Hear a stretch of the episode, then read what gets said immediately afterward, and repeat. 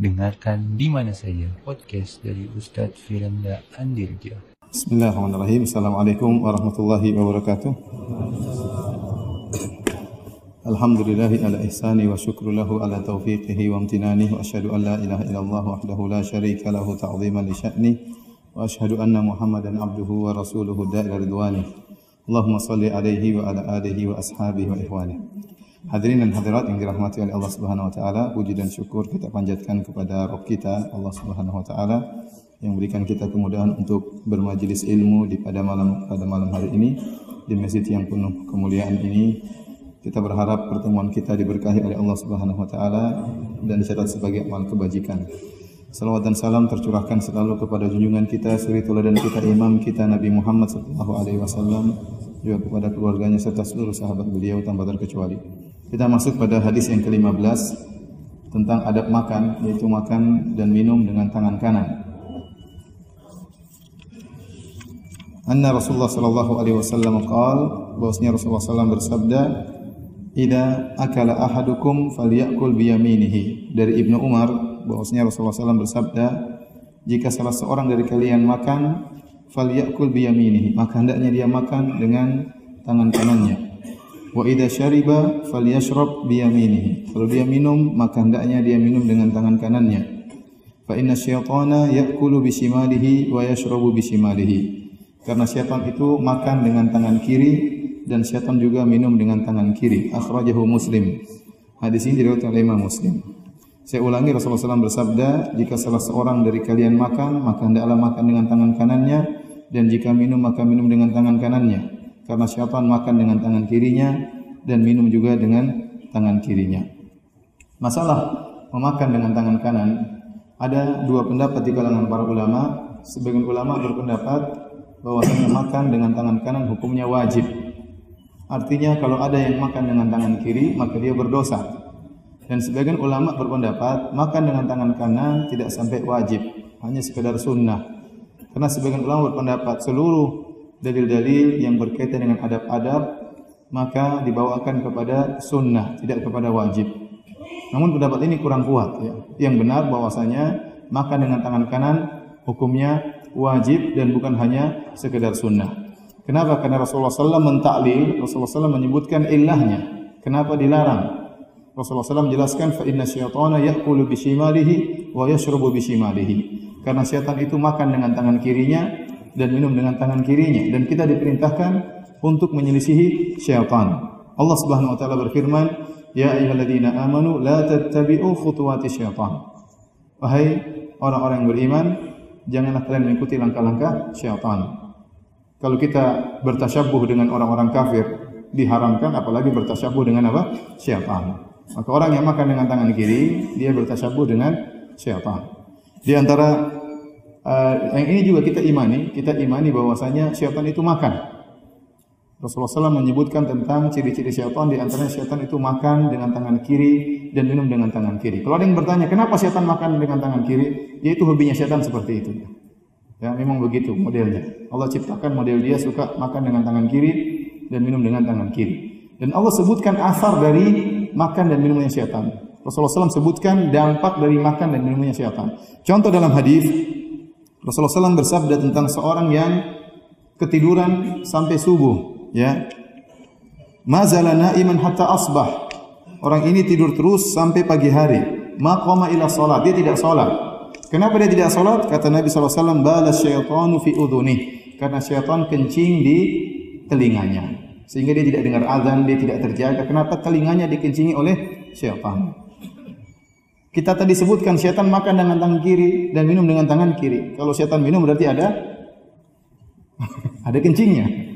Ada kencingnya dan dia kencing di telinga seorang ya, meskipun orang tersebut tidak sadar. Tapi kita beriman dengan uh, sabda Nabi sallallahu alaihi wasallam. Di antara bukti bahwasanya setan makan dan minum, Rasulullah SAW juga menyebutkan dampaknya. Di antara kencing, di antara dampaknya setan juga kentut.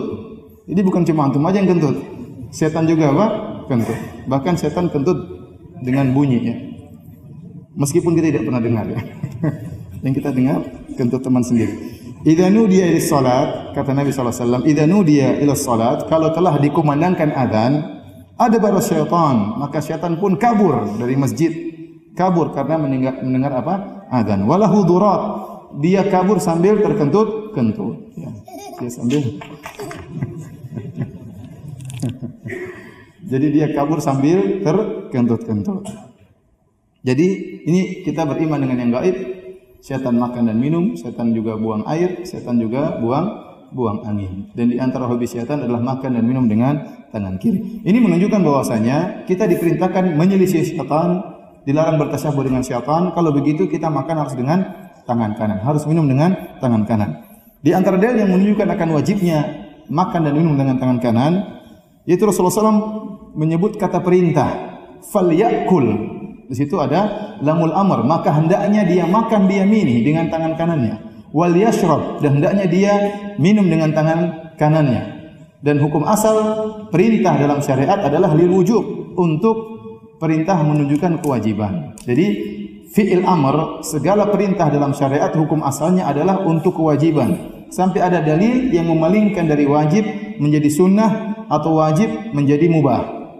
Tapi dalam kaidah usul fikih al aslu fil amr lil wujub. Bahwasanya hukum asal dalam perintah dalam syariat adalah untuk kewajiban. Dan Rasulullah SAW mengatakan fal yakul biyamini. Hendaknya dia makan dengan tangan kanannya, perintah. Wal yashrab biyamini. Hendaknya dia minum dengan tangan kanannya. Kemudian dalam hadis yang lain Rasulullah SAW perintahkan, "Ya gulam, samillah wa kul biyaminik." Kata Nabi SAW kepada seorang pemuda, "Wahai pemuda, ucapkanlah bismillah tatkala makan dan makanlah dengan tangan kananmu. Ini perintah juga. Wakul, makanlah engkau dengan tangan kanan. Berarti makan dengan tangan kanan hukumnya wajib. Demikian juga Rasulullah SAW pernah dalam suatu hadis memerintahkan seorang, ada seorang makan di sisi Nabi dengan tangan kiri. Dia makan dengan tangan kiri. Maka Rasulullah SAW berkata, Kul biyamini, makanlah dengan tangan kananmu. Qala la astati, saya tidak mampu makan dengan tangan kanan. Ya, kata Rasulullah SAW, la stata'ata, kalau gitu kau tidak bakalan mampu. Ya, ma mana'ahu illa al-kibar Orang ini tidak bisa membuat dia makan dengan tangan kanan kecuali apa? Kesombongan. Apa susahnya makan dengan tangan kanan? Rasulullah bilang makan dengan tangan kanan. Kata dia bilang saya tidak bisa. Tidak mungkin tidak bisa, pasti bisa. Dia tidak mau makan dengan tangan kanan karena apa? Som sombong. Maka Rasulullah SAW doakan dia sehingga tidak bisa makan dengan tangan kanan. Sehingga waktu dia makan dengan tangan kanan, tangannya tidak mampu untuk dia naikkan. Ini menunjukkan Rasulullah SAW doakan keburukan kepada orang ini karena dia telah melanggar. Ya, Seandainya makan dengan tangan kanan hukumnya hanyalah sunnah, sehingga makan dengan tangan kiri tidak berdosa, maka Nabi tidak mungkin mendoakan keburukan bagi orang ini. Ya. Ini dalil semuanya menunjukkan makan dengan tangan kanan hukumnya adalah wajib. Minum dengan tangan kanan hukumnya adalah wajib. Baik. Yang perlu kita perhatikan dalam masalah makanan ada adab-adab yang berkaitan dengan syariat. Ya, yang berkaitan dengan syariat seperti makan dengan tangan kanan, Kul mimma yalik makan dari yang lebih terdekat terlebih dahulu. Kemudian makan tidak boleh kekenyangan. Ya, ini adalah yang berkaitan dengan syariat. Ya. Adapun jenis makanannya ya terserah saja. Ya, sebagaimana pernah saya sampaikan. Jangan sampai ada yang mengatakan bahwasanya makan korma hukumnya sunnah. Kita harus mengganti makanan pokok kita dari beras menjadi korma. Ini tidak benar. Ya, karena bukan ini yang diatur oleh Nabi, tapi yang diatur oleh Nabi SAW bagaimana adab dalam makan. Ya, Jangan sampai ada mengatakan juga makan kambing hukumnya sunnah. Kenapa? Karena Nabi SAW suka makan kambing. Bukan itu yang disyariatkan. Ya, bukan itu yang disyariatkan. Ya. Sampai ada sebagian teman, saya pernah ketemu makan bareng dengan dia, ya dia makan kambing. Ditegur sama dokter, nggak boleh makan kambing. Ada teman yang ngasih hati kamu jangan percaya dokter, percaya sama Nabi. Makan kambing itu sunnah. Akhirnya nggak sembuh-sembuh ya. Dilarang makan kambing, tetapi dia makan kambing. Itu salah paham. Ya. Jadi masalah jenis makanannya kecuali ada dalil khusus. Kalau enggak ada dalil khusus maka kita bebas makan apa saja. Yang penting adab-adab makan itu yang syariatnya dalam masalah adab-adab makan. Makan dengan tangan kanan, makan dari makan yang paling yang terdekat dengan kita. Kemudian e, sunnahnya makan dalam kondisi duduk, ya mengucapkan Bismillah, makan tidak boleh sampai terlalu berlebih-lebihan, ya tidak boleh makan dengan kesombongan. Ini syariatnya seperti itu. Oleh karenanya uh, masalah makan dengan sendok atau dengan sumpit ini masalah tradisi. Masalah tradisi. Ya. Yang penting kita pegang sendoknya dengan tangan kanan. Yang penting kita pegang sumpitnya dengan apa? Tangan kanan. Itu sunnahnya di situ. Ya bukan masalah sendoknya, bukan masalah apa? Sumpitnya. Ya. Yang penting kita makan dengan menggunakan tangan kanan. Kemudian juga saya ingatkan dalam buku saya mengenai minum dengan tangan kiri. Tidak boleh kita minum dengan tangan kiri. Sebagian orang karena dia sibuk makan kemudian tangannya kotor, akhirnya dia pegang gelas dengan tangan kiri. Kemudian dia minum dengan tangan kiri. Ini dilarang. Tidak boleh karena kita meniru syaitan minum dengan tangan kiri. Maka kita tetap memegang dengan tangan kanan. Kalau kotor gelasnya, ya sudah nanti gelasnya juga pun dicuci. Antum pegang dengan tangan kiri, gelasnya dicuci juga atau tidak? Ya sudah, antum pegang dengan tangan kanan juga sama-sama dicuci. Ya udah pegang aja dengan tangan kanan. Meskipun agak kotor tidak apa-apa daripada kita melanggar perintah Nabi, akhirnya kita minum dengan tangan kiri. Ini sering saya lihat. Jadi orang makan dengan tangan kanan karena tangannya kanan kotor, akhirnya dia pegang gelas dengan tangan kiri kemudian diminum dengan tangan kiri. Ini salah. Karena ini mengikuti syaitan. Kemudian juga bagi orang yang menggunakan kedua tangan, makan dengan kedua tangan, misalnya dengan garpu, sendok dengan garpu, ya, atau sendok dengan pisau, ya makan stick misalnya, ya. Kemudian dia potong stick dengan tangan kanan, ya, maka dia juga makan harus dengan tangan kanan. Ya. Jangan sampai dia potong stick dengan tangan kanan, kemudian dia tusuk dengan tangan kiri, kemudian dia makan dengan tangan kiri. Salah. Ya, jadi eh, tetap tidak boleh makan dengan tangan kiri ya, kecuali yang beruzur, kecuali yang beruzur. Ada sebagian orang, saya punya sahabat dari Suriah tidak bisa makan dengan tangan kanan karena tangan kanannya agak lumpuh sehingga dia harus makan dengan tangan kiri. Maka ini tidak jadi masalah karena beruzur. Baik, kita lanjutkan hadis ke-16. Di antara adab makan adalah larangan makan berlebih-lebihan. Wa an Amr bin Shu'aib an abihi an jaddihi qala dari Amr bin Shu'aib dari ayah dari kakeknya. Dia berkata, "Qala Rasulullah sallallahu alaihi wasallam." Rasulullah SAW bersabda, "Kul washrab walbas wa tasaddaq fi ghairi sarafin wala mikhyalah atau wala makhilah." Kata Nabi, "Makanlah dan minumlah, berpakaianlah, bersedekahlah, tapi tidak boleh berlebih-lebihan dan tidak boleh sombong." Akhrajahu Abu Dawud wa Ahmad wa allaqahu al-Bukhari. Hadis ini diriwayatkan Imam Abu Dawud dalam sunannya Diriwayatkan Imam Ahmad dalam musnadnya dan Imam Al Bukhari dalam sahihnya secara ta'liqan. Secara ta'liq. Baik. Saya ulangi kata Rasulullah SAW, makan, kul, washrab, walbas, wa tasaddaq fi ghairi sarafin wala makhyalah. Makanlah dan minumlah, berpakaianlah, bersedekahlah, namun syaratnya tidak boleh berlebihan dan tidak boleh sombong. Tidak boleh karena kesombongan. Allah Subhanahu wa taala menghalalkan bagi kita segala sesuatu, segala makanan, segala minuman, segala pakaian. Ini hukum asal. Kata Allah, "Huwallazi khalaqalakum ma fil ardi jami'a." Dialah yang telah menciptakan bagi kalian seluruh yang ada di atas muka bumi. Ayat ini dijadikan dalil oleh para ulama. Saya ulangi ayatnya, "Huwallazi khalaqalakum ma fil ardi jami'a." Dialah Allah yang telah menciptakan bagi kalian seluruh yang ada di atas muka bumi. Para ulama menjadikan ayat ini sebagai dalil bahwasanya hukum asal atas segala sesuatu adalah halal. Hukum asal dalam segala perkara dunia adalah halal. Maka kalau seorang makan sesuatu, jangan ditanya, ini halal atau tidak? Iya halal. Mana dalilnya halal? Salah. Kita bilang ini hukumnya halal karena tidak ada yang mengharamkannya. Ya, tidak ada yang mengharamkannya. Berbeda kalau masalah syariat. Kalau masalah ibadah, asalnya adalah haram, tidak boleh seorang beribadah. Kalau orang beribadah asalnya manusia bebas dari beban. Asalnya Allah tidak memberi beban ibadah kepada seorang pun. Maka tatkala ada beban ibadah kepada seorang butuh dalil.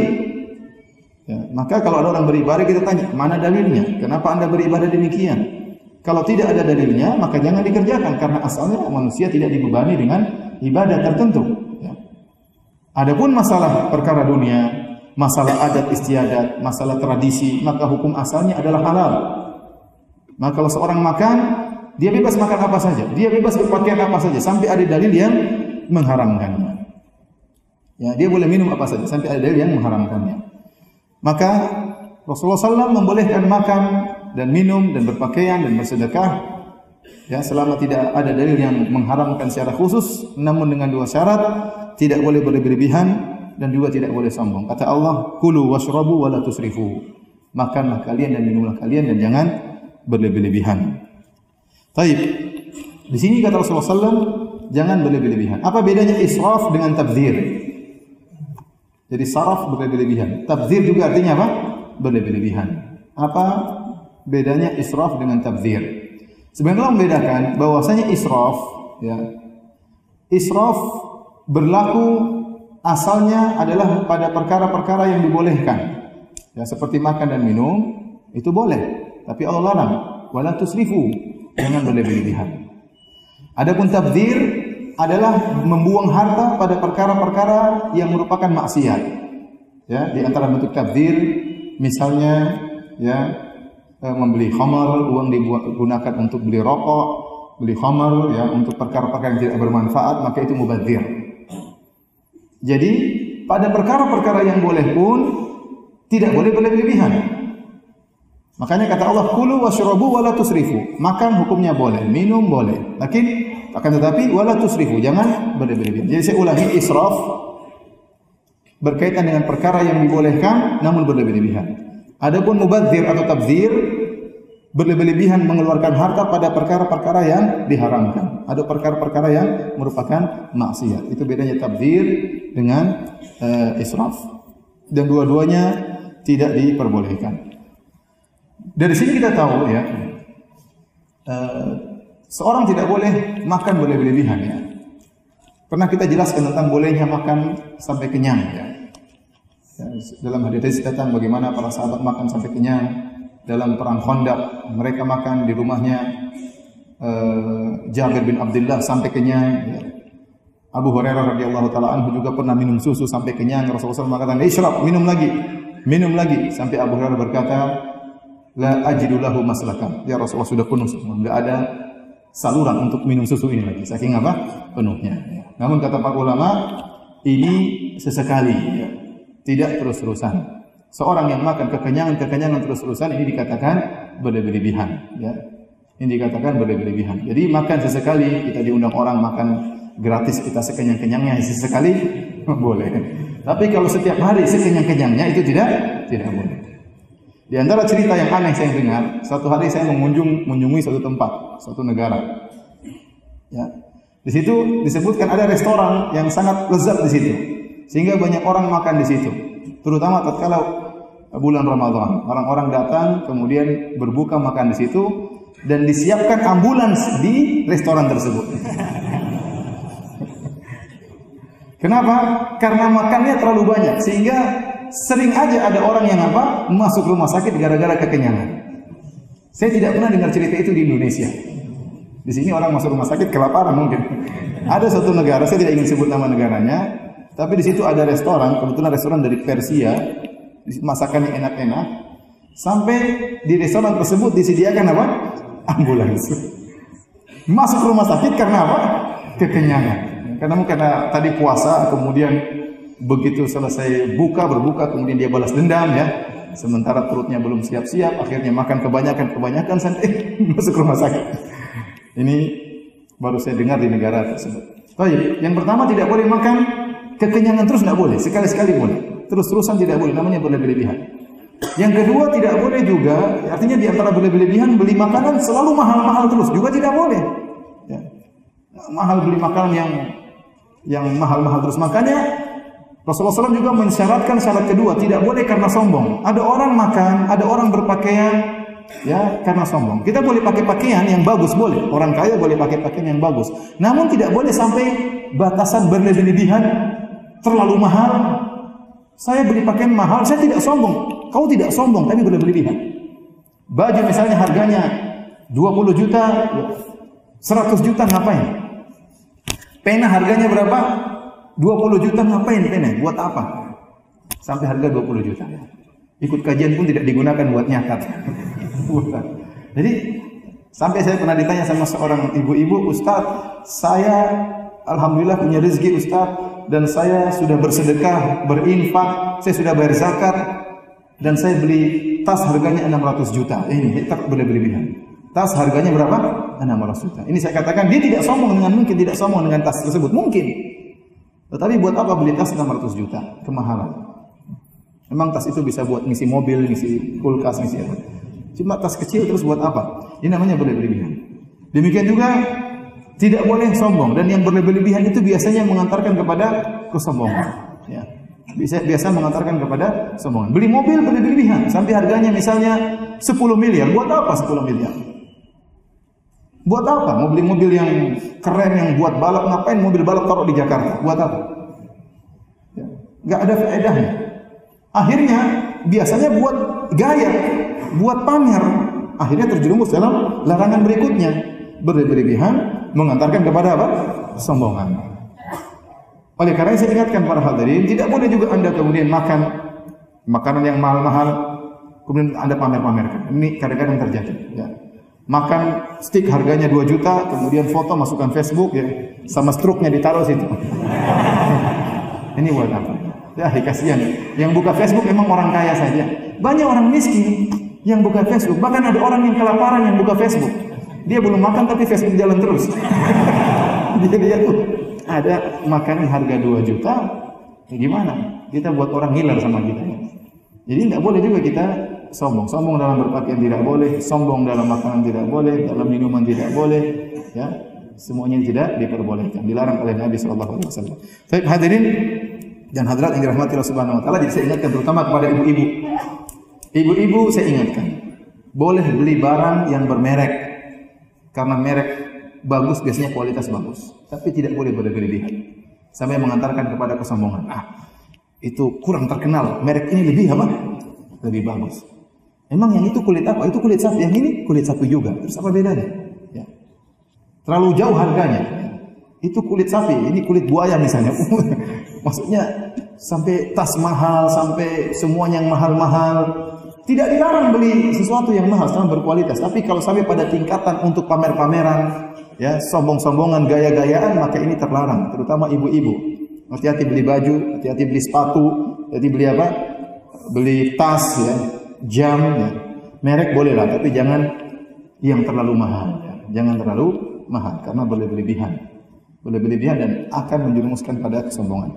Baik kita sudah selesai dari bab al-adab. Bab yang pertama karena saya katakan kitabul jami' terdiri atas tiga ada terdiri atas enam bab.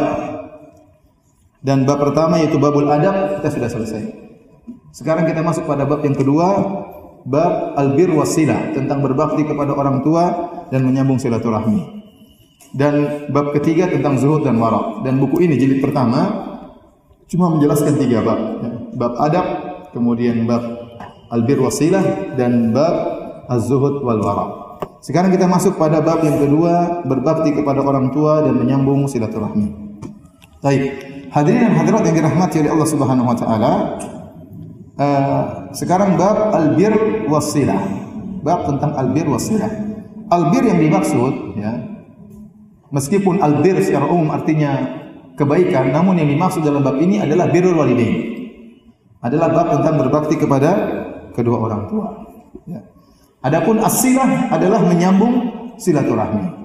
Jadi dua bab ini mencakup dua pembahasan. Bab berbakti kepada kedua orang tua dan bab menyambung silaturahmi. Sebenarnya berbakti kepada kedua orang tua termasuk dari menyambung silaturahmi. Tetapi dia disebutkan secara khusus karena saking pentingnya.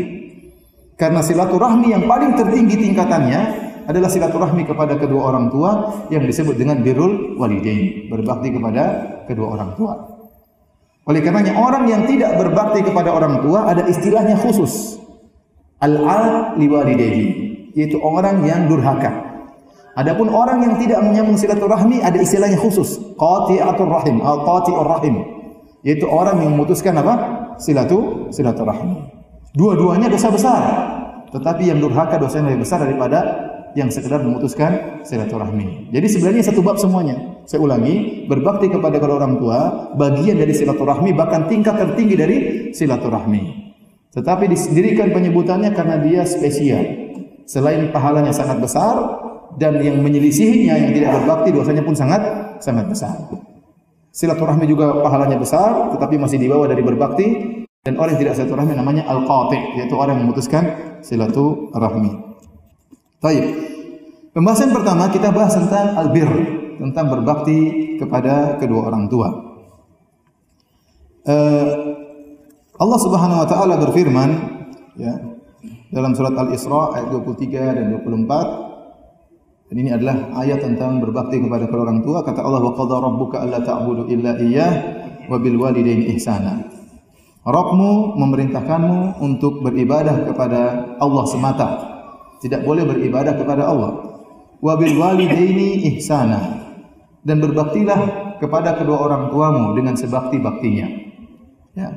Di sini kalau Anda mengerti bahasa Arab, Anda akan tahu ihsanan wa bil walidaini ihsanan. Ihsanan itu i'rabnya adalah maf'ul mutlaq litakid dari fi'il yang mahdhuf artinya wa ahsinu bil walidaini ihsana.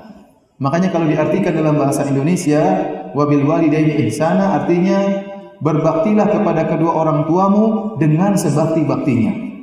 Dengan sepuncak-puncak apa? Bakti. Jadi bukan diartikan berbaktilah kepada kedua orang tuamu saja, tidak. Allah tidak menyuruh kita hanya sekedar berbuat baik kepada kedua orang tua, tetapi Allah menyuruh kita untuk berbuat baik sebaik-baiknya. Ya. Jadi itulah makna dari wabil walidaini ihsana diterjemahkan dalam bahasa Indonesia demikian. Berbaktilah kepada kedua orang tua kalian dengan sebakti-baktinya. Dan Waktu yang paling utama untuk berbakti kepada kedua orang tua tatkala mereka sudah mencapai masa jompo, tatkala mereka sudah tidak memiliki kemampuan lagi. Ya, tatkala mereka sudah tidak bisa mencari nafkah lagi sendiri. Tatkala mereka butuh teman untuk berbicara, teman untuk berbicara dengan mereka, untuk dikunjungi, untuk ditelepon. Makanya Allah ingatkan bentuk bakti tersebut terutama tatkala masa tua. Kata Allah, "Imma ya bulughanna indakal kibar ahaduhuma aw kilahuma." jika keduanya atau salah satunya telah mencapai masa tua di sisimu kata Allah di sisimu indak di sisimu kata para ulama ini dari seorang berusaha agar orang tuanya tinggal bersama dia seorang berusaha agar ibunya ayahnya di masa tuanya tinggal bersama dia dan ini adalah karunia kalau sampai orang tua mau tinggal sama kita ya Jangan kita malah berlepas tangan, kita serahkan kepada adik kita, kita serahkan kepada kakak kita. Kenapa ibu cerewet? Ya, namanya orang tua. Ya. Bapak terlalu banyak omong, ibu terlalu itu namanya orang tua. Ya. Antum waktu kecil nggak cerewet, cerewet juga kurang ajar masih kecil. Dalam perut sudah kurang ajar tendang-tendang orang tua. Waktu keluar juga cerewet sana sini, nangis sana sini, minta sana sini. Ya. Kemudian orang tua tatkala di masa tua gara-gara mungkin cerewet banyak omong kemudian kita tidak mau tinggal bersama kita. Ini kekeliruan. Ya. Maka di antara keutamaan seorang berusaha membiarkan ayah ibunya tinggal bersama dia. Kecuali kedua ayah ibu tidak mau, itu lain urusan. Tapi kita menawarkan, ibu silakan tinggal di rumah, ayah silakan tinggal di rumah ya. Yang saya diceritakan oleh uh, Syekh Abdul Razak tentang uh, ada anak-anak yang berebut-rebutan untuk untuk berbakti kepada kepada ibunya. Padahal bukan ibu aslinya. Bukan padahal bukan ibu kandungnya. Jadi bagaimana ceritanya? Ceritanya ada seorang wanita menikah dengan seorang laki. Wanita ini punya teman yang cacat. Tidak bisa berdiri, jadi jalannya merangkak, kemudian bisu. Kemudian dia bilang sama suaminya waktu baru nikah, Bagaimana kalau kita rawat teman saya itu kasihan. Dia cacat, tidak bisa berdiri, jalannya merangkak dan tidak bisa ngomong. Maka kata suaminya, saya bersedia kita tolong orang. Akhirnya tinggal di rumah, kalau tidak salah tinggal di rumah, laki-laki ini, suami ini merasa risih karena bersering bertemu dengan wanita yang bukan mahramnya, teman istrinya. Maka dia sampai kepada istrinya, begini kita bisa berdosa. Saya sering ketemu dia, sementara dia bukan mahram saya. Akhirnya kata istrinya, kata suaminya, bagaimana kalau saya nikahi wanita cacat ini? Akhirnya disetujui oleh istrinya. Maka sang laki pun menikah dengan wanita cacat ini. Waktu menikah dan dia berusaha bersikap adil, maka dia gauli istri pertamanya dan juga gauli istri keduanya. Qadarullah istri pertamanya mandul, tidak punya anak. Kemudian istri keduanya yang cacat tersebut ternyata mengandung. Sampai punya anak tiga atau empat saya lupa. Anak pertama mengandung lahir, anak kedua lahir lagi, anak ketiga lahir lagi, anak keempat lahir lagi. Setelah melahirkan anak keempat atau anak ketiga, wanita cacat ini meninggal dunia. Meninggal dunia. Akhirnya anak-anak yang empat tersebut dirawat oleh istri pertamanya tadi. Maka semuanya menganggap ini adalah ibunya. Dan mereka tahu bahwa ibu mereka sudah meninggal. Akhirnya setelah mencapai masa tua, empat orang anak ini benar-benar berbakti kepada ibu ibu dari istri pertama tadi. Padahal bukan apa? Ibu aslinya. Sampai Syekh Razak mengatakan kalau nggak salah di Jeddah ini. Sampai mereka bikin jadwal, pokoknya hari ini harus di rumah saya. Rebut-rebutan di antara mereka. Pokoknya kalau sudah jadwal ibu pindah di rumah yang lain sudah ditunggu. Ibu harus pergi dari rumah kakak untuk pergi ke rumah saya. Rebut-rebutan untuk tinggal di rumah mereka. Karena mereka tahu Allah berfirman, "Indaka." Jika orang tuamu tinggal bersama. Ya, Anda kalau orang tua tinggal di rumah, berarti Anda sedang bawa pintu surga masuk dalam rumah. Ya, luar biasa. Tapi saya katakan tidak semua orang bisa melakukannya. Terkadang orang tua tidak mau, Terkadang orang tua ingin tinggal di rumah kakak, yang mau apa lagi. Terkadang orang tua ingin tinggal di rumah di kampungnya karena banyak kenangan manis di rumah di kampungnya. Tapi seorang menawarkan, menawarkan kepada orang tuanya. Dan dia berharap orang tuanya bisa tinggal di di rumahnya. Itulah pintu bakti yang luar biasa. Tiap hari kita berbakti sama orang tua kalau orang tua di rumah. Tiap hari kita menyambung silaturahmi dengan orang tua. Bagaimana argo pahala yang luar biasa yang terus mengalir kepada kepada kita. Oleh karena kata Allah, indaka kibar.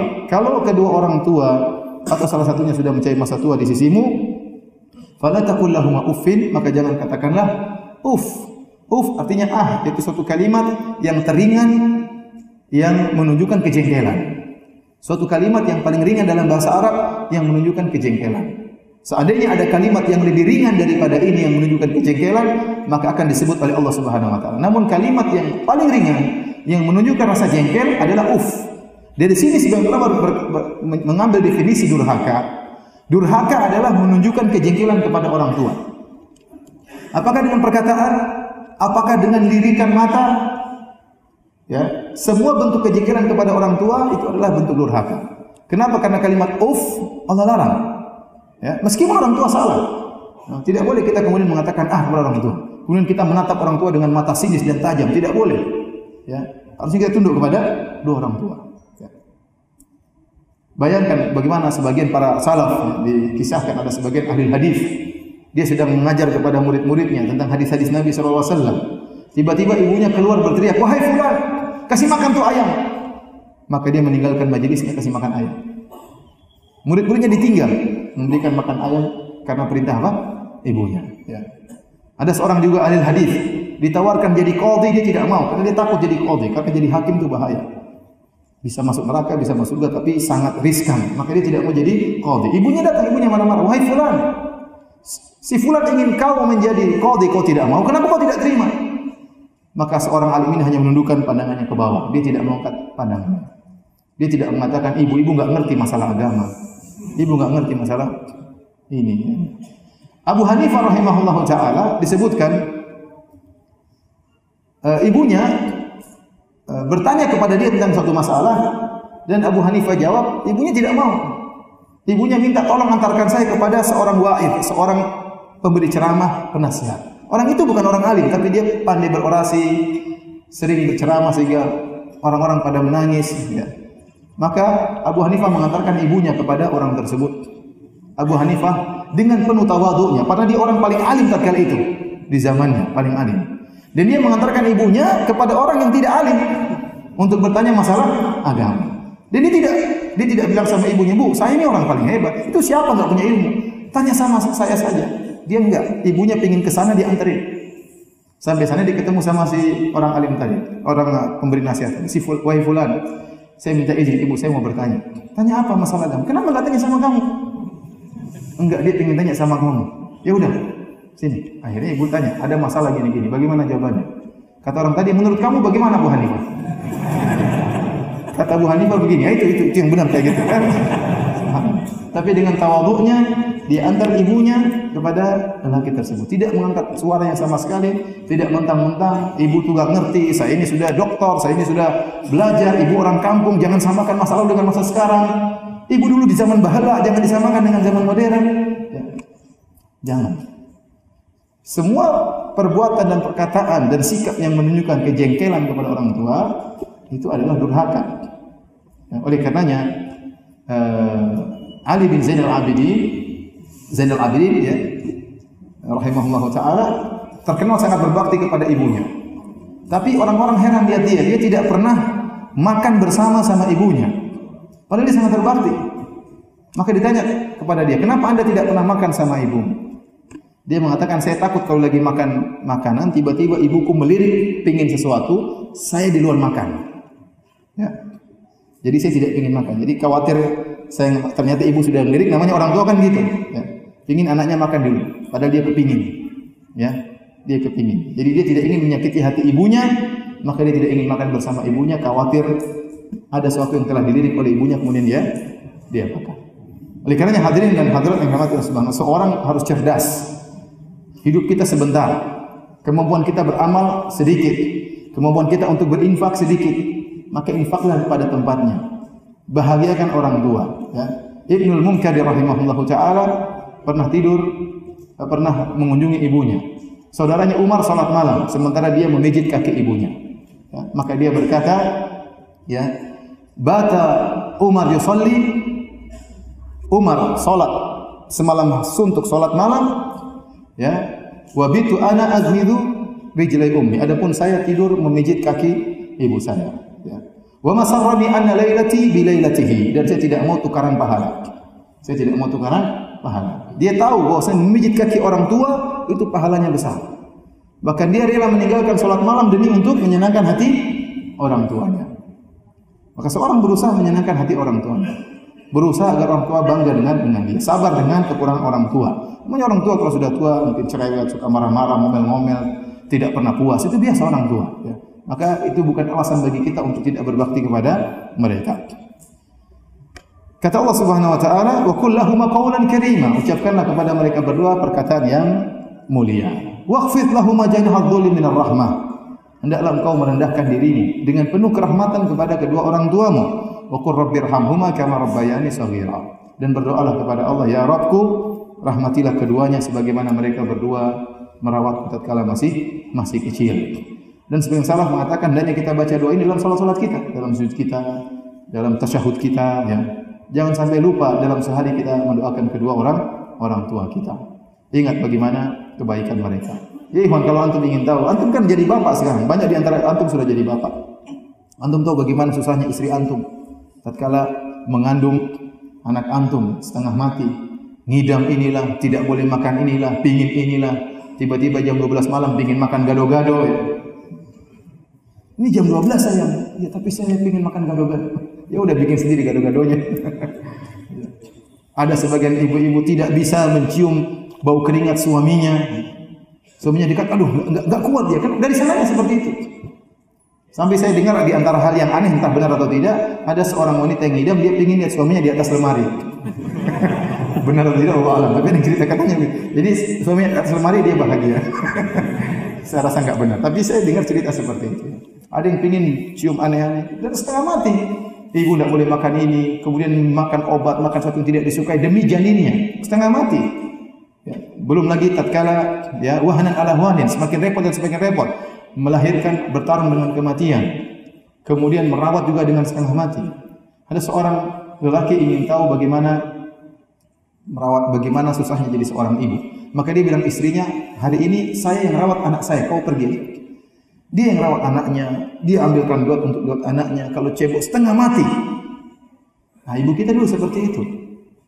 Bayangkan kalau anak kita sakit, kita punya anak semua. Rata-rata kita sudah punya. Kalau sakit siapa yang bingung? Oh, istri kita nangis-nangis, kita juga bingung. Ya. Demikian dulu ibu kita seperti itu. Ya.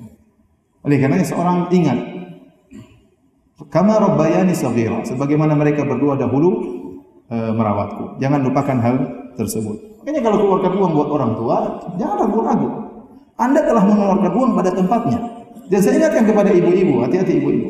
Jangan mengajari suami durhaka kepada orang tua. Ya mau kasih ibu uang, jangan jangan usah. Itu uang lah, 2 juta buat siapa? Buat ibu. Buat apa? Ya buat beli makanan ibu. Kebanyakan.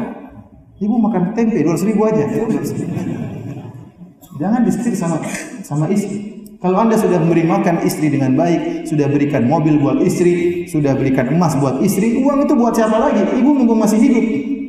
Nanti kalau ibu sudah meninggal, nanti mau ngapain? Mau menyenangkan hati ibu sudah nggak bisa. Ibu sudah meninggal dunia. Sekarang masih ada, bapak masih ada, ibu masih ada, keluarkan uang untuk jangan terlalu cinta sama istri sehingga lupa kepada kedua orang tua. Cinta dengan cinta yang benar. Ibu-ibu, jadilah wanita yang mendukung suami untuk berbakti kepada kedua orang tua. Ibu juga dapat pahala. Para istri juga dapat pahala tatkala mendukung suaminya untuk berbakti kepada kedua orang tua. Umur orang tua tidak lama. Tidak lama. Ya. Kita mengumpulkan uang, mengumpulkan uang, mengumpulkan uang. Ibu perlu kita nggak kasih, nggak kasih. Tahu-tahu ibu meninggal dunia. Tahu-tahu ayah meninggal dunia. Baik, hadirin dan hadirat yang dirahmati Allah Subhanahu wa taala, kita lanjutkan. Di antara perkara yang ingin saya sampaikan uh, masalah bab kedua ini tentang bab albir wasilah tentang berbakti dan silaturahmi ada kerancuan dalam istilah silaturahmi. Banyak orang uh, menyamakan antara silaturahmi dengan ziarah. Silaturahmi itu adalah berbuat baik kepada kerabat. Bukan kepada setiap orang. Adapun kita menyenguk ustaz misalnya, ya, maka itu namanya bukan silaturahmi, tetapi namanya ziarah. Dua-duanya amal ibadah yang bernilai di sisi Allah Subhanahu wa taala. Tetapi silaturahmi lebih tinggi kedudukannya daripada ziarah. Sekarang istilah ini jadi rancu di tanah air kita ke mana-mana kita bilang apa? Silaturahmi. Saya mau silaturahmi sama ustaz. Apa hubungan kerabat engkau? Enggak ada. Ya, kamu orang apa? Saya orang Jawa. Ustaz orang Papua. Apa hubungannya? Enggak ada hubungan. Namanya bukan silaturahmi, namanya apa? Ziarah. Dan itu kan ada pahalanya. Ya. Kita bikin reuni, reuni silaturahmi. Teman-teman kelas diundang semua silaturahmi. Silaturahmi dari mana? Itu namanya reuni untuk apa? Saling ziarah, saling menguatkan tali ukhuwah, tali persaudaraan. Tapi bukan silatu, silaturahmi. Paham? Jangan sampai kita rancu. Karena silaturahmi ibadah tersendiri.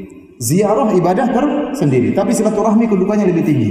Karena kerancuan ini, sebagian orang menganggap dirinya telah bersilaturahmi, padahal belum. Contoh, dia sering kunjungan teman-temannya, sering bikin acara sama teman-temannya, silaturahmi, tapi jarang mengunjungi ayah ibunya. Karena dia merasa ini sudah silaturahmi, padahal belum. Ini bukan silaturahmi namanya. Ya. Ini nama cuma ziarah. Nah kalau kita ribut dengan teman kita tidak dikatakan pemutus silaturahmi, paham? Antum ribut sama ustaz, jadi pemutus silaturahmi? Tidak. Tapi kalau antum ribut sama ayah, ribut sama bapak, ribut sama kakak, ribut sama adik, itu pemutus silaturahmi namanya. Dosanya besar. La yadkhulul jannata qati'. Pemutus silaturahmi tidak akan masuk surga. Ya ada pun antum ribut sama orang, ada dosanya, tetapi tidak seperti dosa pemutus silaturahmi. Maka saya ingin sampaikan tentang dua istilah ini yang sekarang jadi rancu Sebenarnya sebagaimana kata para ulama, la musyahata fil istilah. Hanya sekedar istilah tidak jadi masalah. Tetapi masalahnya di balik istilah ini ada konsekuensi-konsekuensi. Ya. Sehingga saya katakan tadi sebagian orang tidak tahu makna silaturahmi, makna silaturahmi jadi rancu sehingga terkadang dia sangat baik kepada orang yang jauh sama kakak adiknya dia kurang baik. Ya, dia sering bantu tetangganya, sering bantu teman-temannya. Kalau temannya pinjam uang dia kasih, tapi kakaknya pinjam uang dia nggak kasih. Ini salah. Berbuat baik kepada orang jauh sementara yang dekat dia kurang baik. Dan ada penyakit seperti ini. Berbuat baik sama orang jauh sama orang terdekat kurang kurang baik. Suami sama orang lain, masya Allah, ketawa ketiwi sama teman-temannya, waktu di rumah bermuka masam. Ketemu istrinya bermuka masam. Tidak mana tawanya, mana candanya. Kalau berbicara sama orang dengan kata-kata yang lembut. Kalau lagi WhatsAppan ketawa ketiwi, begitu sama istri, Mas kamu di mana? Ngapain tanya-tanya jawabannya? kasar sama istri. Ini sama orang jauh baik, sama orang dekat enggak enggak baik. Sama istri pun demikian. Kalau sama teman-temannya di telepon, ada yang telepon, iya ukhti, iya, begitu samanya, mas, ya, mas, sama suaminya kasar. Ya. Ini enggak benar. Jadi sampai saya pernah ada orang cerita, majikan saya baik sekali Ustaz. Saya sering disuruh nganterin hadiah sedekah sama orang-orang nganterin duit lah, ngantar sembako lah, semua dikasih. Cuma saya nggak dikasih sama majikan saya. Jadi kasihan dia. Majikannya baik sama orang. Ada orang seperti itu. Sama orang luar baik, seorang terdekat dia kurang baik. Ya. Maksud saya, maka kita harus bisa bedakan antara istilah silaturahmi dengan istilah ziarah. Kalau silaturahmi itu ibadah tersendiri dan berkaitan dengan karib kerabat. Adapun ziarah berkaitan dengan keumuman kaum muslimin secara umum teman, teman kantor, bos, teman di pasar, teman di masjid, itu bukan silaturahmi. Ya. Maka jangan sampai kita salah meletakkan prioritas sehingga akhirnya berbuat baik kepada orang yang jauh sementara yang harus kita prioritaskan orang tua kita, kerabat-kerabat dekat kita, kita kurang kurang baik. Taib, hadirin dan hadirat yang dirahmati Allah Subhanahu wa taala. Silaturahmi adalah ibadah yang sangat luar biasa dan adalah salah satu sebab dari sebab untuk masuk surga, sebab terbesar masuk surga. Dalam surat Ar-Ra'd ayat 21, tatkala Allah menyebutkan tentang ciri-ciri penghuni surga, ya. Di antaranya Allah menyebutkan di awal-awal walladzina yasiluna ma amarallahu bihi ayyusal. Dan orang-orang yang mereka menyambung silaturahmi yang Allah perintahkan mereka untuk disambung. Kemudian kata Allah di akhir ayat ulaika lahum uqubaddar. Maka bagi mereka lah kesudahan tempat tinggal yang terbaik. Jannatu adni yadkhulunaha wa man salaha min abaihim wa azwajihim wa dhurriyyatihim wal malaikatu yadkhuluna alaihim min kulli bab. Mereka pun masuk surga. Ya. Surga yang kekal abadi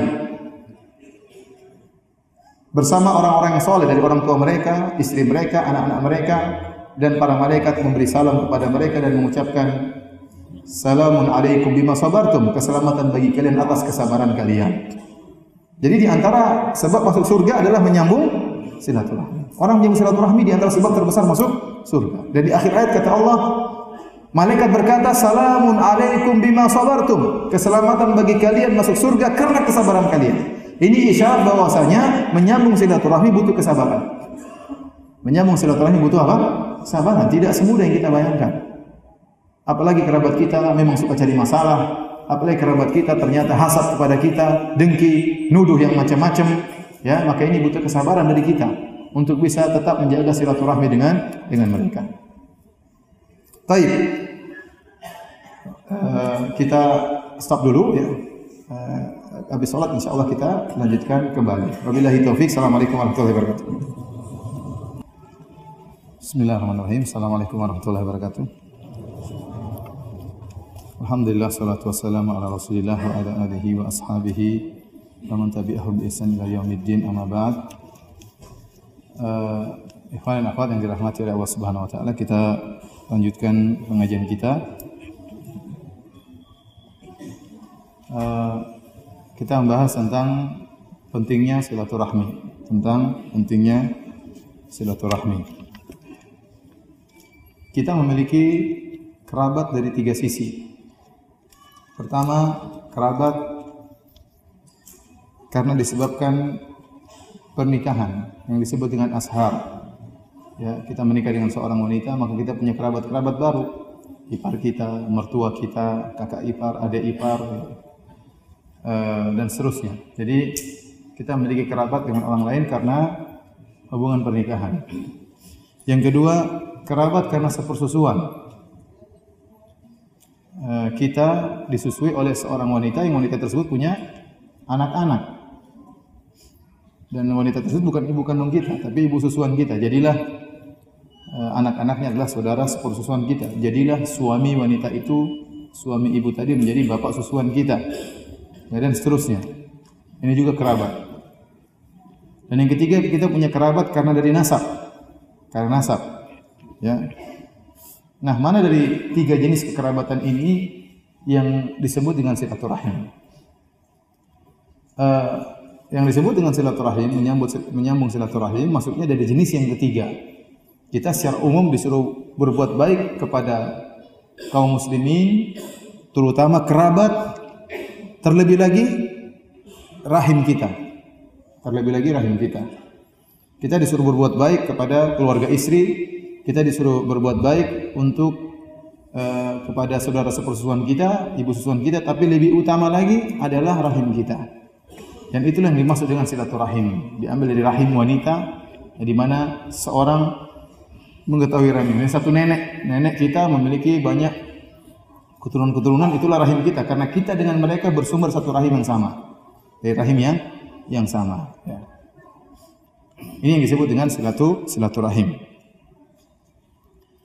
Uh, adapun saudara sepersusuan, ya kita disuruh berbuat baik kepadanya, tapi tidak sebagaimana ditekankan seperti berbuat baik kepada rahim, kepada rahim kita, yaitu yang satu nasab, satu satu nasab dengan dengan kita. Karena Rasulullah SAW bersabda, yahrumu min radha'ah ma yahrumu minan nasab.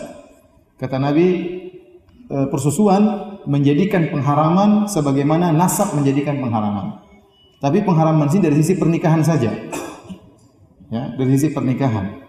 Sebagaimana kita tidak boleh menikah dengan saudara kandung kita, begitu pula tidak boleh kita menikah dengan saudara sepersusuan kita. Ya. Sebagaimana kita tidak boleh menikah dengan bibi kita, tidak boleh juga kita menikah dengan bibi susuan kita. Jadi kalau kita disusui oleh seorang wanita, kita seperti anak kandungnya. Statusnya seperti anak kandungnya dari sisi pengharaman pernikahan. Tapi dia bukan ibu kandung kita. Kita tidak tuntut berbakti kepada dia sebagaimana berbakti kepada ibu kandung kita. Beda jauh. Dia mungkin menyusui kita cuma sekali dua kali. Ibu kita ngandung kita dan seterusnya. Tetapi dari sisi pengharaman pernikahan status kita seperti anak kandung ibu tersebut. Dari sisi peng, pengharaman pernikahan, bukan dari sisi berbuat baik dan menyambung silaturahmi. Baik, kalau kita berbicara tentang nasab, yang senasab dengan kita juga banyak. Siapa yang harus kita sambung silaturahmi dari keluarga bapak, dari keluarga ibu? Keluarga bapak banyak. Bapak, kemudian mamanya bapak, ibunya bapak, kemudian kakaknya bapak, adanya bapak, ponakan-ponakannya bapak, ya. Kakek kita juga punya uh, kemudian saudara lagi ya, sepupu kedua, sepupu ketiga dari ibu juga demikian. Ya banyak sekali yang mau kerabat kita ya banyak. Ya. ya dari sisi nasab ini banyak sekali kerabat kita. Jadi ibu kita, kemudian mama ibu kita, bapak ibu kita, belum lagi uh, kakak ibu kita, adik ibu kita, belum lagi anak-anak mereka, sepupu-sepupu mereka, sepupu-sepupu kita, belum lagi sepupu ibu, anak-anak sepupu ibu, ya. Ternyata dari nasab juga apa? Luas. Kita kembali misalnya kepada kakek buyut. Kalau kita jalurkan dari kakek buyut ternyata saudara sangat banyak. Saya pernah dikumpulkan oleh keluarga, ya. Uh, banyak sekali kerabat saya. Saya tidak tahu kecuali setelah ayah saya meninggal dunia. Jadi bapak saya orang Bugis, kakek saya orang Bugis, kakek buyut saya orang Bugis, tinggal di Sengkang. Ya. Kakek saya ini nikah dua kali, istrinya dua. Jadi dua istri ini kemudian beranak-anak. Di antara anak-anak dari istri pertama adalah kakek saya. Kakek saya ini juga nikah dua. Aha. Bukan saya ya, kakek saya.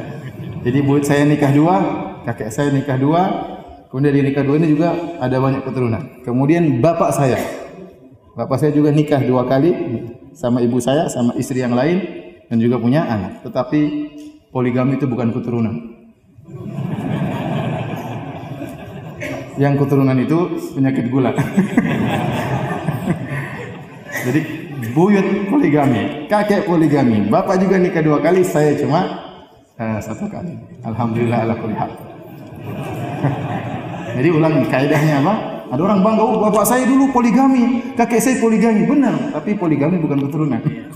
Yang keturunan apa? Diabetes ya. Baik. Jadi setelah saya dikumpulkan sama Om, subhanallah dibawakan buku silsilah tebal begini. Waduh, semuanya ada datanya. Sini sini nomor teleponnya ada, ada yang belum nomor teleponnya. Ternyata banyak sekali. Nah, kalau saya disuruh menyambung silaturahmi seluruh ini, ratusan orang ini, ya berat.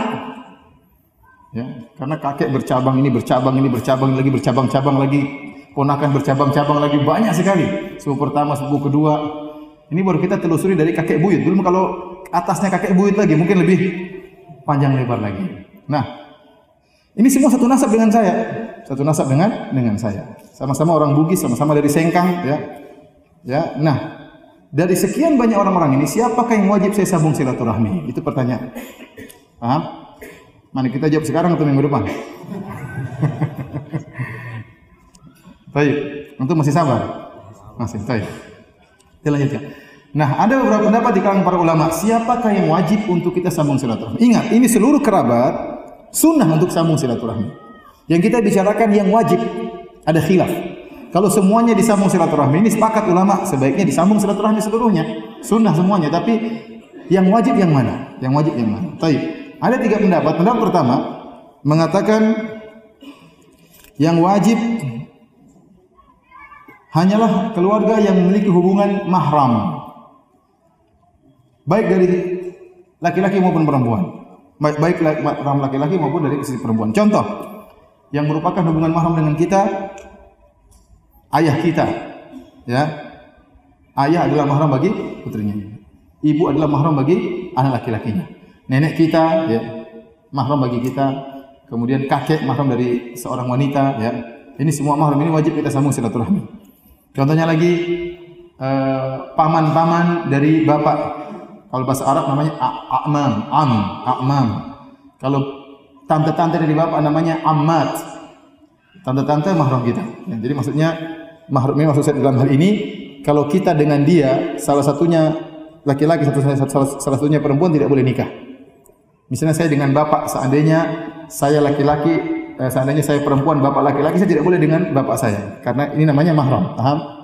Jadi maksud saya saya berbicara tentang baik mahram yang laki-laki maupun mahram yang perempuan yang di mana jika salah satu saya dengan dia salah satunya laki-laki satunya perempuan seandainya laki-laki perempuan maka tidak boleh nikah. Maka dalam hal ini yang merupakan mahram saya adalah bapak kemudian ibu kemudian nenek dari bapak nenek dari kakek dari bapak nenek dari ibu kakek dari apa ibu dan terus ke atas. Kemudian juga saudara-saudara bapak baik om maupun tante. Ya, kalau om saudara dari bapak, saudara laki-laki bapak dalam bahasa Arab namanya am, jamannya a'mam. Kemudian saudari perempuan bapak namanya ammah, jamannya ammat. Adapun saudara laki-laki ibu namanya apa? Paman. Kalau dalam bahasa Arab namanya khal. Saudari perempuan ibu namanya khalah. Ya, namanya khalah. Kita bilang apa? Bibi. Ya. Ada paman, ada bibi. Ya. Baik. Berikutnya anak-anak kita. Sekarang saya tanya sama antum, sepupu anaknya bibi, mahram atau bukan? Bukan. Bukan. Anak dari paman, anak dari om, anak dari tante, anak dari bibi, semuanya bukan mahram. Nah, menurut pendapat ini, menyambung silaturahmi dengan sepupu-sepupu tidak sampai derajat wajib. Paham? Dianjurkan sunnah, tapi tidak sampai apa? Wajib. Artinya kalau kita tidak pernah telepon mereka, kita tidak dikatakan pemutus silaturahmi, tapi kita meninggalkan sunnah. Sunnahnya harusnya sepupu juga kita kunjungi, kita telepon, harusnya demikian. Tapi kita tidak sampai derajat berdosa. Kenapa? Karena mereka bukan haram kita dan tidak wajib bagi kita untuk menyambungnya. Hanya derajatnya apa? Sun, sunnah. Ini uh, pendapat sebagian ulama dan dikuatkan ini pendapat yang masyhur dari madhab Hanafiyah dan Malikiyah. Dan sebagian ulama Hanabilah juga menguatkan pendapat ini. Sebagian ulama kibar ulama zaman sekarang juga menguatkan pendapat ini. Adapun dalilnya dari Abu Hurairah radhiyallahu anhu anna Rasulullah sallallahu qaal la yujma bainal mar'ati wa ammatiha wala bainal mar'ati wa khalatiha. Tidak boleh seorang laki menikah dengan seorang wanita sekaligus dengan tantenya. Dan tidak boleh seorang lelaki menikah dengan dia poligami, tidak boleh istrinya dari seorang wanita dan tantenya atau seorang wanita dan bibinya. Apa ilahnya? Kenapa tidak boleh menggabungkan berpoligami menikahi seorang wanita dengan bibinya atau seorang dengan wanita dengan tantenya? Kata para ulama karena dikhawatirkan terjadi kalau terjadi cekcok akan terjadi pemutusan silatu silaturahmi. Sehingga yang dimaksud dengan silaturahmi adalah yang mahram antara bibi dengan seorang wanita dengan bibinya, seorang bibi, seorang wanita dengan tantenya ada hubungan mahram atau tidak? Seandainya tantenya itu laki-laki boleh nggak nikah? Enggak boleh. Seandainya bibinya laki-laki boleh enggak nikah dengan wanita ini? Tidak boleh. Paham sisi pendalilannya?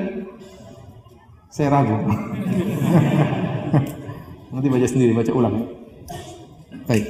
Pendapat kedua, yang wajib untuk kita sambung silaturahmi hanyalah yang ahli waris. Ini pendapat seperti Al-Qadhiyah dan sebagian ulama dari madhab Syafi'iyah. Kata mereka yang wajib untuk kita sambung silaturahmi adalah yang ahli waris saja. Di antara kerabat-kerabat kita tidak semuanya ahli waris. Tidak semuanya ahli waris. Ya. Contoh bibi kita bukan ahli waris. Ya. Kemudian om kita juga bukan ahli waris. Ya. Taib. Dalilnya dari hadis Abu Hurairah radhiyallahu anhu, qala rajulun ya Rasulullah, ada seorang laki berkata, "Ya Rasulullah, man ahaqqu an-nasi bi husni suhbah?" Ya Rasulullah, siapakah orang yang paling berhak untuk aku berbuat baik kepadanya? Untuk aku berbuat baik kepadanya. Kata Rasulullah SAW, ummuka, ibumu. Orang ini bertanya lagi, summaman. Kemudian siapa ya Rasulullah? Kata Rasulullah SAW, ummuka, ibumu lagi. Diulangi lagi. Dia tanya lagi, "Tsumma man kemudian siapa ya Rasulullah?" Ummuka. Dia tanya lagi, "Tsumma man ya Rasulullah kemudian siapa?" Kata Rasulullah SAW, "Abuk." "Tsumma man?" "Tsumma adnak fa adnak." Kemudian ayahmu, kemudian yang terdekat yang terdekat. Jadi Rasulullah SAW sebutkan ibu berapa kali? Tiga. Ummuka, ummuka, ummuka. Jangan sampai salah paham. Ini bukan dalil punya istri tiga. Tidak. Kalau tanya anak, ibumu? Iya. Siapa lagi? Ibumu. Siapa lagi? Ibumu. Tidak. Bukan berarti ibumu ada tiga. Tidak. Ibumu satu cuma diulang berapa kali? Tiga kali. Jangan salah berdalil ya. Dalil poligami masih banyak, nggak perlu pakai yang ini. Baik. Kenapa disebut tiga kali? Kata sebagian ulama karena ibu mengalami kesulitan dalam tiga kondisi. Ini pendapat sebagian ulama. Tatkala dia mengandung, dia mengalami kesulitan tidak dialami oleh ayah. Tatkala dia melahirkan, bertarung dengan maut juga tidak dialami oleh ayah. Tatkala dia menyusui, ya maka juga dia mengalami kesulitan yang dialami oleh sang ayah. Maka disebutkan tiga kali sementara ayah cuma cuma sekali. Kata mereka ini hadis berkaitan tentang ahli waris. Ibu, ibu, ibu, kemudian ayah, kemudian yang terdekat dan terdekat. Ini ahli waris. Maka yang wajib untuk kita uh, berbuat baik kepadanya adalah ahli waris. Yang terdekat semakin wajib dan semakin jauh ahli warisnya semakin jauh. Tetapi pendapat ini kurang kuat karena kata Nabi, sabda Nabi, "Tsumma adnak fa adnak" yang terdekat dan terdekat, tidak ada dalil mengkhususkan bahwa itu ahli waris. Kemudian hadis ini dibantah dengan hadis Nabi, "Al-khalatu bimanzilatil um." Kata Nabi, bibi itu kedudukannya seperti ibu. Bibi itu kedudukannya seperti ibu. Padahal bibi tidak tidak waris, bukan ahli waris. Padahal ulama sepakat bibi harus disambung silaturahmi. Karena Nabi berkata al-khalatu bimanzilatil um. Bibi itu seperti ibu. Makanya Anda kalau masih punya bibi ya maka berbuat baiklah kepadanya ya, berilah hadiah kepadanya telepon dan selanjutnya ya jadi pendapat ini kurang kuat pendapat yang ketiga bahwasanya semua seru yang semua yang mempunyai hubungan nasab maka wajib untuk kita sambung silaturahmi tapi pendapat ini juga dibantah ya dari pendapat ini mengatakan sepupu juga wajib untuk kita sambung silaturahmi karena dia dekat namun pendapat ini dibantah kalau kita tidak ada batasan terbuka lebar maka sungguhnya seluruh manusia ini satu kerabat berasal dari Nabi Adam alaihi salam.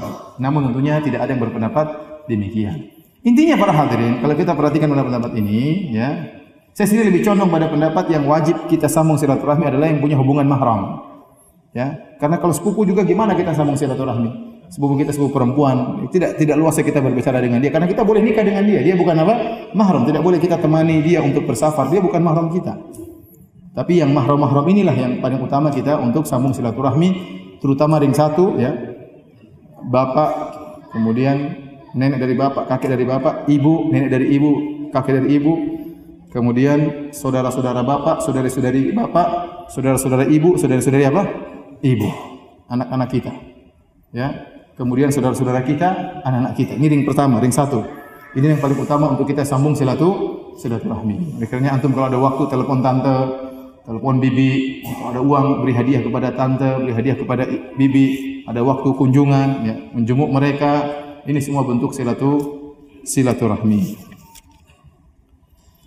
Baik, sampai di sini aja kajian kita. Insya Allah kita lanjutkan lagi uh, minggu depan, Insya Allah tentang sirah Nabi. Uh, sekali pertanyaannya.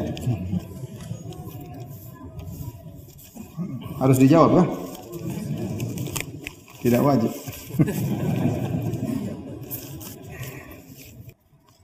Anak yang sudah ngaji sunnah nggak setuju ayahnya menikah lagi. Bagaimana? Ya aturlah. Kok saya yang di tempat curhat? Jadi kondisi kita berbeda dengan di sebagian tempat. Kondisi kita memang untuk masalah poligami agak berat. Bukan agak berat, sangat berat. Kenapa sangat berat? Kondisi tidak mendukung. Kondisi tidak mendukung. Ya. Terus belum lagi banyak praktisi poligami yang gagal.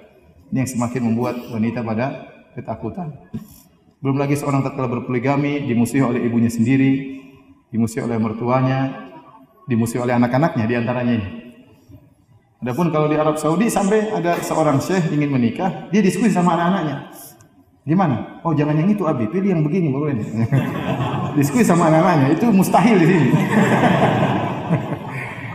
Jadi antum harus lihat situasi dan kondisi. Maksud saya anaknya tidak mau suami ibunya eh, bapaknya kawin lagi, tanya kenapa? Diskusi sama anaknya. Jangan laporkan ke ustaz. Diskusi sama ada ada masalah apa nak? Kenapa? Mungkin dia punya alasan tertentu. Mungkin kita kurang baik sama ibu, mungkin kita kurang perhatian sama dia, sudah nggak perhatian sama saya mau poligami lagi gimana? Nah kita diskusi sama anak kita, apalagi anak kita udah ngaji. Tanyakan kepada dia apa pertimbangannya. Ya, kalau ada dalil-dalilnya kita patahkan hujah-hujahnya. Ya. Kalau nggak bisa ya sudah kita jangan poligami. Jadi menurut saya ya diskusikan dengan cara ya yang baik. Saya sering sampaikan ini berbeda di negara-negara lain. Saya sering sampaikan kalau di Afrika orang mudah sekali poligami. Justru yang tidak poligami dicurigai. Ini pasti punya penyakit, ini pasti nggak jantan dan macam-macamnya. Sampai teman-teman saya yang dari Afrika rata-rata poligami. Terakhir saya ketemu teman sekelas saya, dia kecil-kecil Afrika. Tapi sebenarnya istrinya udah tiga. Istrinya sudah tiga. Karena Firanda sudah dokter, istri cuma satu. S1 istri berapa? Tiga. Masya Allah. Ya. Jadi kalau antum ingin mudah poligami di Afrika mudah. kalau di sini agak susah. Bukan agak susah, sangat susah. Jadi tinggal dialog sama uh, sang putra atau yang sudah ngaji agar diberi masukan supaya dia bisa menerima. Karena memang poligami itu syariat yang sangat mulia, tapi seperti saya sering sampaikan, tidak semua orang bisa melaksanakannya. Tidak semua orang bisa melaksanakannya. Orang yang melaksanakannya harus punya uh, ekonomi yang baik. Ya. Kalau ingin menikah pertama saja harus punya ekonomi. Man istata'a minkumul ba'a falyatazawwaj. Famalam yastati fa alaihi bisyam. Barang siapa yang punya kemampuan ekonomi silakan menikah. Kalau tidak mampu maka puasa. Kalau untuk nikah pertama saja harus punya ekonomi apalagi untuk menikah istri yang kedua dan seterusnya. Maka seorang mempertimbangkan kemampuannya. Ya. Kemudian yang kedua dia harus punya leadership, kemampuan untuk memimpin. Ya. ya. Kalau istri pertama tidak bisa dia kuasai, kemudian dia ya susah. Terkadang dia menikah kedua akhirnya akhirnya terjadi kegagalan dan lain-lainnya ya dan saya lihat uh, dari wallah alam dari uh, yang saya perhatikan tapi nggak usah saya sampaikan enggak jadi intinya itu adalah syariat yang mulia tapi tidak semua bisa mengerjakannya Ustadz bagaimana hukum orang tua yang nikah dengan mertua? Tidak boleh. mertua itu mahram mahram selama-lamanya. Kita seorang kita menikah dengan seorang wanita, kemudian kita ceraikan wanita tersebut, tetap mertua kita itu mahram. Ya, tidak boleh kita nikahi. Ya. Ya. Tidak boleh. Allah melarang. Ini termasuk yang mahram abadi. Tidak boleh kita uh, nikahi lagi. Ya. Nikahnya tidak sah. Nikahnya tidak sah. Kalau dia tahu sekarang hukumnya harus cerai. Harus cerai. Ya. Harus cerai. Apa beda perbedaan antara silaturahmi dengan silaturahim? Tidak ada bedanya sama saja. Ustaz kalau di masjid kompleks rumah saya sholat subuhnya selalu memakai kunut subuh. Bagaimana Ustaz? Kunut sama imam. Karena anda statusnya sebagai apa? Makmum. Dan ini pendapat Imam Ahmad dan pendapat Imam Jaimiyah dan pendapat Syekh Saleh Al-Utsaimin dan Syekh yang lainnya. Jadi ini masalah khilafiyah. Kalau anda statusnya sebagai makmum, maka Anda berkunut sebagaimana imam yang kunut subuh ya. Saya di kompleks sekarang saya sering jadi imam dan kalau saya jadi imam saya tidak kunut. Tapi kalau saya tidak jadi imam, saya jadi makmum maka saya kunut bersama imam. Itu fatwanya siapa tadi? Imam Ahmad, kemudian siapa? Syekhul Islam Taimiyah dan Syekh Muhammad bin Shalih Al-Utsaimin rahimahullahu taala. Saat di raudhah bagi wanita itu perlu antri lama sekali dan padat. Nah, pas sudah di karpet hijau, buang angin. Bolehkah kita tayamum Ustaz? Tidak. Tidak boleh tayamum. Maka tatkala qadarullah sampai di raudhah dalam kondisi buang angin, maka tidak perlu salat, ibadah yang lain ada. Ya, boleh baca Quran, boleh berdoa kepada Allah Subhanahu wa taala, ya. Di raudhah tidak harus apa? Salat. Kalau qadarullah kita sudah berusaha, insya Allah tidak ada yang sia-sia, kita sudah ngantri, sudah berusaha. Tatkala sampai di karpet hijau, ternyata angin segera berhembus tidak bisa ditunda. Ya sudah, ya kita berdoa kepada Allah Subhanahu wa taala, berzikir kepada Allah Subhanahu banyak istighfar di situ, ya tidak harus apa? salat. Karena saya tayamum kata Allah falam tajidu ma'an. Kalau kalian tidak dapati air, sementara air ada, tinggal keluar ada air. Bagaimana apabila orang tua lebih mampu dari anak sehingga anak-anaknya cenderung tinggal bersama-sama orang tuanya? Bagaimana pandangan Ustaz? Adakah jalan lain untuk memperoleh pahala seorang anak terhadap orang tuanya? Ya berbakti ya. Kebetulan orang tua kita baik. Orang tua itu kalau punya harta akan berikan kepada anaknya semampu dia. Ya. ya. Orang tua meskipun dia sudah tua tetap berusaha memberikan hadiah kepada anaknya. Jadi benar kasih orang tua itu sepanjang masa ya. Tidak henti-hentinya. Ya. Nah, kalau kita orang milik orang tua yang baik, kita sudah diayomi tinggal di rumahnya, ya saatnya kita berbakti dalam bentuk yang lain. Kita pijit, kalau disuruh kita nurut, kalau dia ke rumah sakit kita nemani, ya, menyenangkan hatinya, ya. Apalagi orang tua modelnya sudah sangat baik seperti ini. Jadi berbakti itu tidak mesti dengan harta. Saya ulangi, menyambung silaturahmi tidak mesti dengan harta. Kalau kita tidak mampu dengan harta, maka dengan bentuk yang lain. Intinya berbuat kebaikan dengan cara apa pun. Itu namanya menyambung silaturahmi. Menyambung silaturahmi bisa dengan harta, bisa dengan kebaikan lainnya. Insya Allah tahun 2017 ini saya akan menunaikan ibadah haji yang kedua. Karena saya merasa haji saya belum sempurna. Di lain pihak ibu saya almarhum belum haji karena mungkin belum mampu. Ibu ibu saya. Bagaimana sebaiknya Pak Ustadz? Apakah saya haji kedua ini untuk saya atau saya badalkan buat orang tua saya? Insya Allah dua-duanya baik ya. Ya dua-duanya baik ya. Anda berhaji untuk diri Anda, kemudian banyak mendoakan orang tua juga baik. Tatkala tawaf mendoakan, tatkala sa'i berdoa di padang Arafah mendoakan. Ya tidak wajib bagi Anda untuk menghajikan apa? orang tua. Tapi kalau Anda ingin juga membadalkan orang tua juga baik. Insya Allah dua-duanya baik. Yang penting kerjakan haji tersebut dengan sebaik-baiknya. Oh. Ini pertanyaan anak-anak, kenapa orang tidak boleh menyembelih manusia? Karena kalau kamu disembelih nggak enak. Demikian saja, ikhwan dan akhwat, mohon maaf saya tidak mampu untuk menjawab seluruhnya karena keterbatasan ilmu dan juga waktu tidak ada. Insya Allah kita bertemu lagi pekan depan dalam kajian sirah Nabi. Sekali lagi saya mohon maaf. Subhanakallah bihamdik, asyhadu an anta. Assalamualaikum warahmatullahi wabarakatuh.